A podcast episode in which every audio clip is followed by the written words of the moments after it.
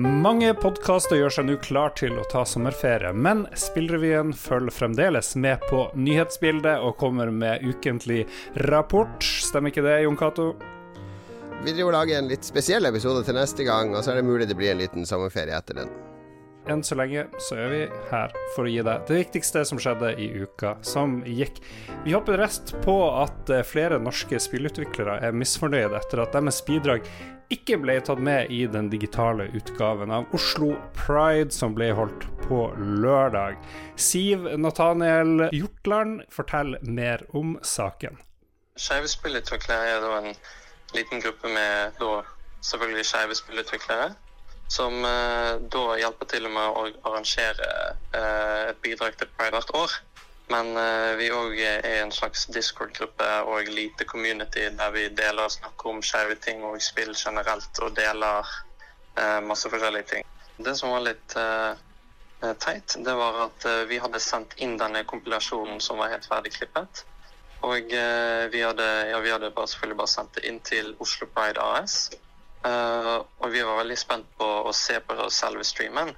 Um, men uh, i løpet av gjennom hele ble vi mer og mer nervøse med at hvorfor vi ikke hadde blitt vist frem ennå. Mm. På slutten så ble det da Det viste seg at vi hadde ikke blitt vist frem. Og jeg hadde hørt òg fra andre ikke-kommersielle organisasjoner at de ble heller ikke vist frem. Og vi hadde ikke fått noen melding på hvorfor vi ble droppet, eller om vi skulle bli droppet i det hele tatt. Det var bare sånn vi sendte inn, og så ble ikke vi fortalt noe før dagen. Og så fikk vi vite ved å se på streamen at vi ikke ble med. Så vi, eh, jeg prøver å få en forklaring ut av Oslo Pride hvorfor, men det har ikke jeg fått ennå.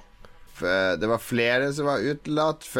Virker det som at det er liksom de kommersielle og de som har betalt, som har blitt prioritert, og rett og slett skvisa ut de litt mindre rene interesseorganisasjonene? Det virker eh, slikt. Altså, det var veldig mye sponsorer, det var veldig mye sånn Eh, offentlige organisasjoner sånn som politiet og Forsvaret, og eh, politiske partier som ble tett frem, altså veldig mye fremvist. Så det var, det var veldig lite sånn små skeive grupper som ble faktisk vist frem. Eh, altså det var jo veldig mange som var faktisk veldig eh, sur og frustrert over eh, den streamen. Fordi den var veldig eh, Eh, mot siste halvdelen så føltes den veldig at den var rettet mot eh, det som vi kaller for cis-het-folk. Altså de som er eh, født med kjønnet de er født med, og det syns de jo på, og er da heterofile. At mm. det var veldig safe, og det var veldig eh, Det var ikke så mye skjevhet der. Det var ikke så mye representasjon. Det var veldig eh, sånn corporate trygt. Så vi, eh, men, så vi er litt sånn i forvirring og vi er veldig frustrert på Oslo Pride, hvordan denne digitale Pride-paraden ble holdt. Det var, jo, det var jo ikke akkurat en, en, parade, det var bare mer som et NRK-show, egentlig, følte vi. Vi sendte kritikken tilbake til Oslo Pride og fikk dette svaret fra styreleder Fredrik Dreyer. Oslo Pride fikk tilsendt mer enn 180 minutter forhåndsinnspilte innslag. Vi samla inn samtykke fra samtlige, der vi informerte om redaksjonell frihet og muligheten for at innholdet ikke nødvendigvis ville bli sendt.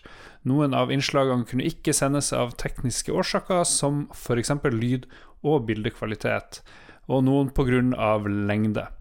Noen innslag ble sendt under andre sendinger i forkant av paradedagen for å gi mer plass, mens andre ble dessverre ikke tatt med. Vi hadde også uheldigvis tekniske utfordringer den første timen, som førte til stans i sendinga, og at noen videoer dermed utgikk. Dette er selvfølgelig beklagelig, og vi skulle ønske at vi kunne sendt mange flere. Under vår 180 minutter lange direktesending brukte vi totalt ca. sju minutter på kommersielle aktører og festivalens partnere. De bidragene har i år muliggjort sendinga som har gått gjennom den siste uka. Ingen bidrag ble droppa av kommersielle hensyn, men pga. utviklinga av sendinga, tekniske aspekt og redaksjonelle avgjørelser. Når jeg tenker på spilleindustri i Norge og utlandet, så tenker jeg at uh, det er veldig synlig LHBTIQ-miljø. Og jeg er litt lurt på hvorfor. Er det bare fordi at det er en veldig ung industri, eller hva er det som skjer der? Det er nok eh, fordi det er en litt ung industri, og så er det en god del fra det miljøet som jobber i eller med eller rundt spill. Spennende nytt medie der du kan definere nye opplevelser. Så jeg merker jo det også når jeg er i utlandet på reise, at det er jo eh, veldig sånn ungt og vitalt og, og mm. ja, et miljø på, på kryss og tvers av kjønnsidentiteter det at det er et ganske variert eh, miljø med utviklere, har det noe å si for hvordan spillene blir, tenker du? Mange indiespill er jo veldig personlige, så, så du finner jo spill som sier noe om hva skaperne går gjennom, eller hva de syns om noe, eller hva de føler om noe. Så det er klart at det preger noen spill, og da blir det jo unike stemmer. Og, men det er jo ikke unikt ved spill. Altså, du har et stort sånn her miljø innen film og, og litteratur og sånne ting òg. Og så har du de som eh, protesterer på at det er det er mer enn bare mann- og gutteidentitet. Du har alle de her variantene eh, som protagonister i spillet. Etter hvert av og til så får du de her litt sinte gamerne som klager og, og, og er veldig hørbare rundt det. Men det samme merker vi ikke gjør rundt film og sånne ting. Jo, det er, er sånne protester òg, eh, men da er det ofte mer kristne miljøer eller religiøse miljøer. Altså, det er folk som protesterer på at jorda er rund, på at, at klimakrisa eksisterer. Eh, mye fornektelse, og jeg tror mye av det det som gjør at gamere blir lagt merke til, er at du har denne gameridentiteten som er mye sterkere enn om du er fan av film, eller om du liker å lese bøker, så er ikke det nødvendigvis en så viktig del av identiteten din at du føler for å delta i disse irrasjonelle kulturkrigene som, som gjerne har oppstått i spillmiljøet.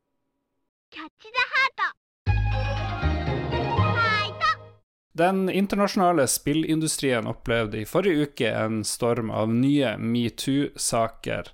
Spilldesigner og manusforfatter Chris Avelone er kanskje den mest kjente av en rekke menn i høytstående stillinger som nå får anklager om upassende oppførsel retta mot seg.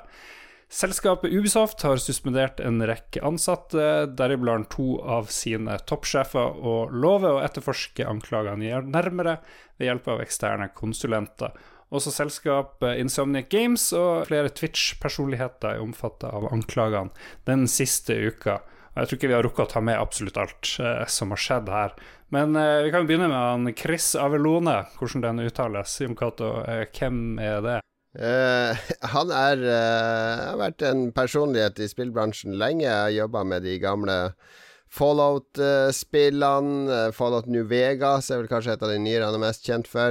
veldig rollespill-fokusert spillutvikler. Mm. Planescape Torment var vel òg Chris Avalon sin genistrek. Så, så, han er et stort navn, og blir ofte leid inn til å bistå med manus og, og til å lage scripts og, og, storylines til store rollespill. Ja. Jeg så lista, den er ganske lang. Ja. Det er jo ikke første gangen metoo har ramma spillindustrien. Det har vært en del saker, annet Riot Games har vært uh, i hardt vær, hvor de har lova å ta tak i ting. Men uh, har uh, spillindustrien blitt like hardt ramma som filmindustrien, f.eks., hvor det jo begynte? Det har vel vært litt lettere å feie det under teppet i spillindustrien, fordi uh, Harvey Weinstein og store filmstjerner eller regissører eller andre, det er kjendisstoff. Så når det blir anklaga der, så blir det liksom Se og Hør-saker og VG rampelys-saker. Mens det, det, er jo ikke veldig mange medier som skriver om Chris Avalone, eller at han uh, creative leaden til uh, det nye Assassin's Creed-spillet, som ifølge påstanden har vært utro, eller ifølge han sjøl har vært utro med kona si med, med to-tre stykk, deriblant folk som jobber på teamet hans. Mm. Så, så det blir ikke i mainstream-nyhetene, disse sakene, og da har det vært lettere å feie det under teppet, tror jeg. Men uh, det er såpass mange stemmer nå, det får så mye synlighet i sosiale medier.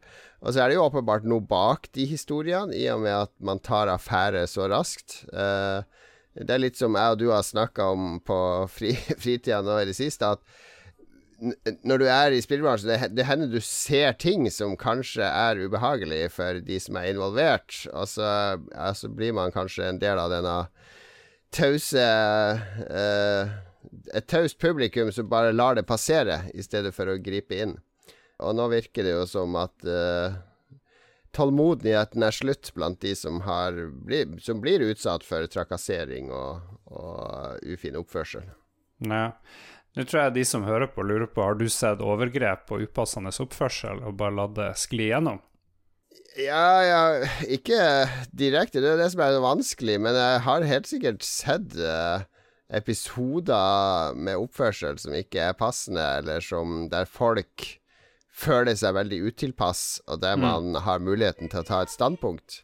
Altså på PlayStation Experience i, i, Oslo i 2003 eller 2004, på den lukka åpningsfesten der alle forhandlere og presse og partnere var, så var det jo leid inn uh, en stripper fra Harstad, f.eks., som kledde av seg foran 50 mannlige selgere, og i et hjørne så sto det tre, fire, de tre-fire damene som var invitert. Og som humra og lo litt, og ja ja, gutta vil være gutta, men uh, i ettertid så det er jo ikke greit. Altså det, man, man, tør jo ikke si fra heller, fordi man føler seg jo ikke Det er et komplekst problem, ikke sant. Men nå med Hadde det vært i dag at det hadde skjedd, så hadde jeg ikke hatt noe problem med å si fra at dette er ikke greit. Nå går dere over streken. Eh, kanskje til og med laga en story av det. Men man eh, Det er jo en stor gutteklubbbransje som, har, eh, som, har, som er en modningsprosess.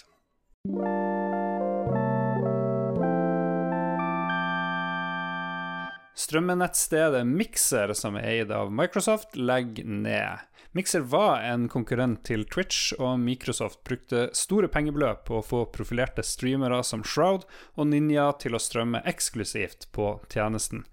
Nå overføres eksisterende brukere til Facebook Gaming, som er Facebooks Twitch-utfordrer. Og det er jo litt spennende. Er det sånn at Shroud og Ninja nå havner på Facebook Gaming? De går ikke tilbake til Twitch, Jon Cato? Nei, så vidt jeg har skjønt, så de, er de friløst fra kontraktene sine. Så de har vel tjent eh, noen hundre millioner kroner hver på å streame eksklusivt til mikser, og nå kan de streame hvor de vil og tjene så mye mer de vil. Mm.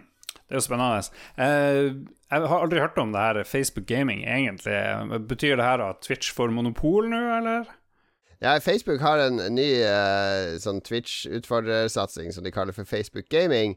Som gjør at du kan streame spill direkte på Facebook. Eh, Direktevideoer på Facebook er jo relativt vanlig. Ja. eh, men dette er jo da spill-streame-videoer. Så kan man prøve å bygge community der hvis man ønsker.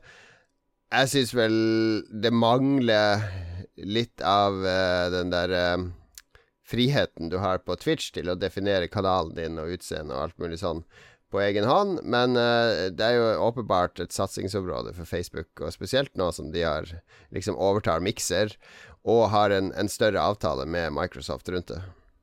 Jeg tenker jo sånn umiddelbart at alle unge folk jeg kjenner, de tilbringer så lite tid de klarer på Facebook, så det kan jo bli interessant å se hva de får til. Facebook-aksjen stuper jo nå.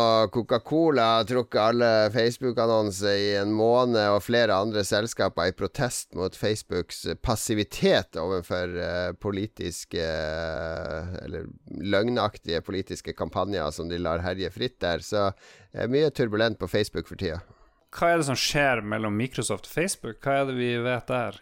Microsoft kan få bruke dette X-Cloud-systemet senere via Facebook Gaming, og dette er jo litt som Google Stadia, som er liksom strømmebasert spilling, altså at du ikke kjøper og laster ned spill på lokal hardware. Jeg tror taket er at du kan se en streamer på Facebook Gaming spille uh, Dark Souls 3. Altså kan du, å, det har jeg lyst til å spille, og så bare trykke på en knapp i Facebook, og så spiller du spillet i Facebook over Xcloud. Mm. Uh, det er jo ikke noe som er mulig nå, men uh, ifølge det jeg har lest om det, så er liksom Xcloud-tjenesten en del av denne avtalen. Du er, en, du er en ung streamer på 17 år eller noe, 18, og du skal begynne å streame. og Er det Facebook gaming du hiver deg på, tror du? Ja, hvis du vil streame for bestemor og bestefar, så tror jeg Facebook gaming er den rette plattformen for det. Men hvis ikke, så tror jeg en 17-åring fortsatt vil gå for Twitch i dag. The Last of Us Part 2 er det raskest selgende spillet Sony har laga til PlayStation 4 så langt. Etter lanseringa 19.6 meldte selskapet i forrige uke at det har solgt fire millioner eksemplarer. Trusler om boikott av sinte gamere viser seg å ikke være så fantastisk effektivt likevel, virker det som. Og jeg husker jo ikke at i forrige uke var det vel, så var du deprimert av en høylytt misfornøyde gamere som eh, drev og review-bomba The Last of Us Part 2. Blir du nå overbevist om at eh, denne gruppa kanskje ikke er så stor likevel? Jeg har alltid vist at den ikke er så stor. Den er bare veldig høylytt. Uh, men de er jo ikke mange millioner. De er uh, noen titusen uh, stakkars mennesker. Men det jeg er misfornøyd med, er jo at det fortsatt ødelegger diskusjonene rundt spillet og tematikken. Nå har det jo kommet en god sånn spoilercast fra Level Up, der de diskuterer spillet i dybde. Og disse samtalene om innholdet i spillet, der du kan snakke om alle spoilere, altså alle anmeldelser av spillet, er irrelevant. Fordi du kan ikke gå i dybden på tematikk og hva spillet gjør med deg. Og det blir ikke kulturkritikk, det blir bare produktorientering eh, mm. med en anbefaling om å kjøpe eller ikke. Så jeg vil jo gjerne ha disse store kulturkritikkene av spillet, og dialogene og diskusjonene om hva er det som gjør spillet bra, hva er det som gjør det dårlig, hva er det spillet gjør med oss. Men jeg er ikke så misfornøyd lenger. De, de, må, de, sitter jo og spiser hatten sin, stort sett. Eh, de hadde jo spådd alle at det her ble en stor salgsflopp pga. Mm. det kontroversielle innholdet, så det må de jo spise i seg.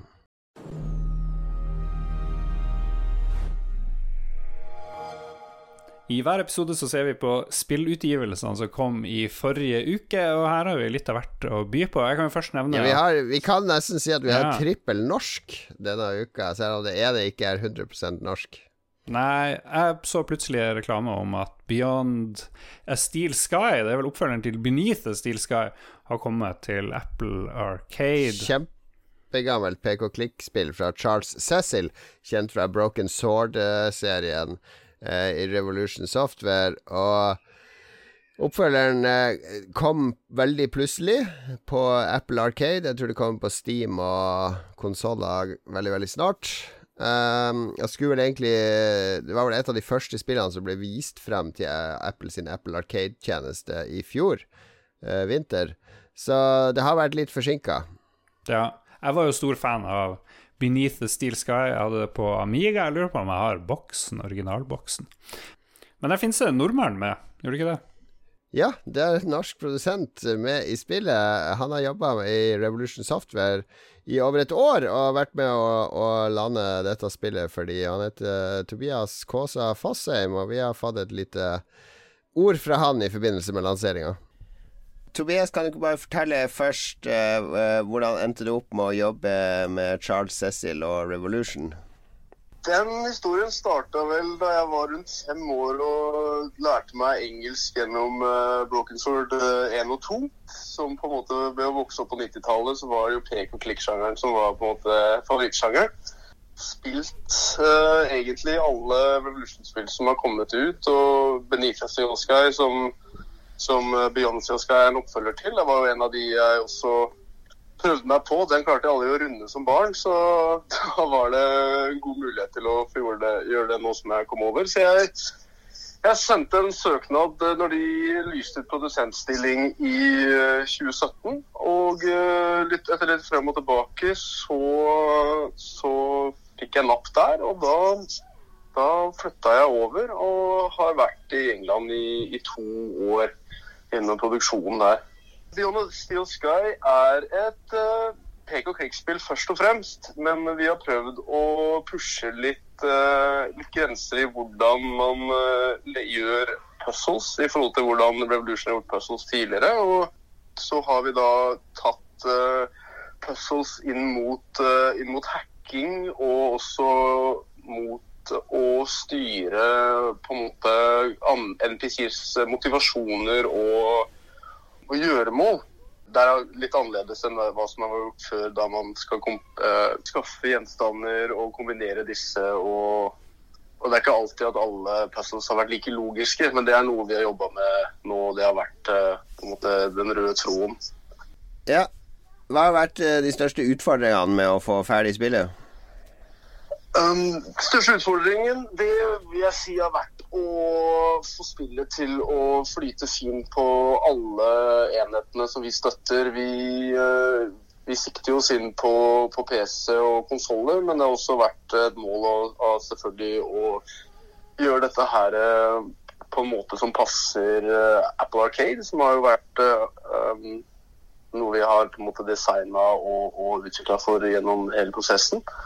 Eh, så der har vi åtte år gamle Macs og, og iPhones som skal uh, ha en god brukeropplevelse, samtidig som det skal uh, være imponerende på PlayStation og Xbox og de konsollene vi, vi, kommer ut på der. Beyond the Steel Sky er ute på Apple Arcade, og vi kommer til å følge opp snart med en lansering på Steam. Uh, deretter planlegger vi konsollutgivelser til høsten. Det var Tobias. Uh, enda flere spill kom uh, i uka som gikk. Haxity er ute. Fått bra kritikk òg, tror jeg jeg har sett. En card battler. Cyberpunk-tematikk. veldig relevant spillsjanger og tematikk i disse dager. Og så kommer til slutt Tanknarok heter det spillet. Eh, Laga av Polyblock Studios, som holder til i Hamar Game Collective. Der anbefaler jeg å sjekke ut traileren. Lars, jeg ser du sitter som et stort spørsmålstegn, ja, ja, ja. men det er eh, kjempeartig multiplayer eh,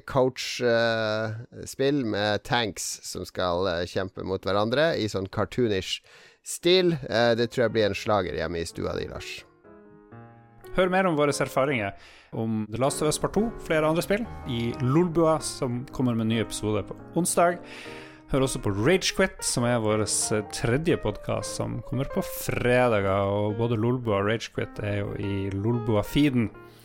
Vi er tilbake med Spillrevyen om syv dager, er vi ikke det? Jon Ja, og da blir det en mulig sommerferie etter det. Hvis det skjer noe veldig spennende og eksplisitt i spillbransjen, så tar vi av oss uh badebuksa og parkere paraplydrinken og sette oss inn i studio igjen, sånn at du kan være oppdatert på hva som skjer i spillbransjen.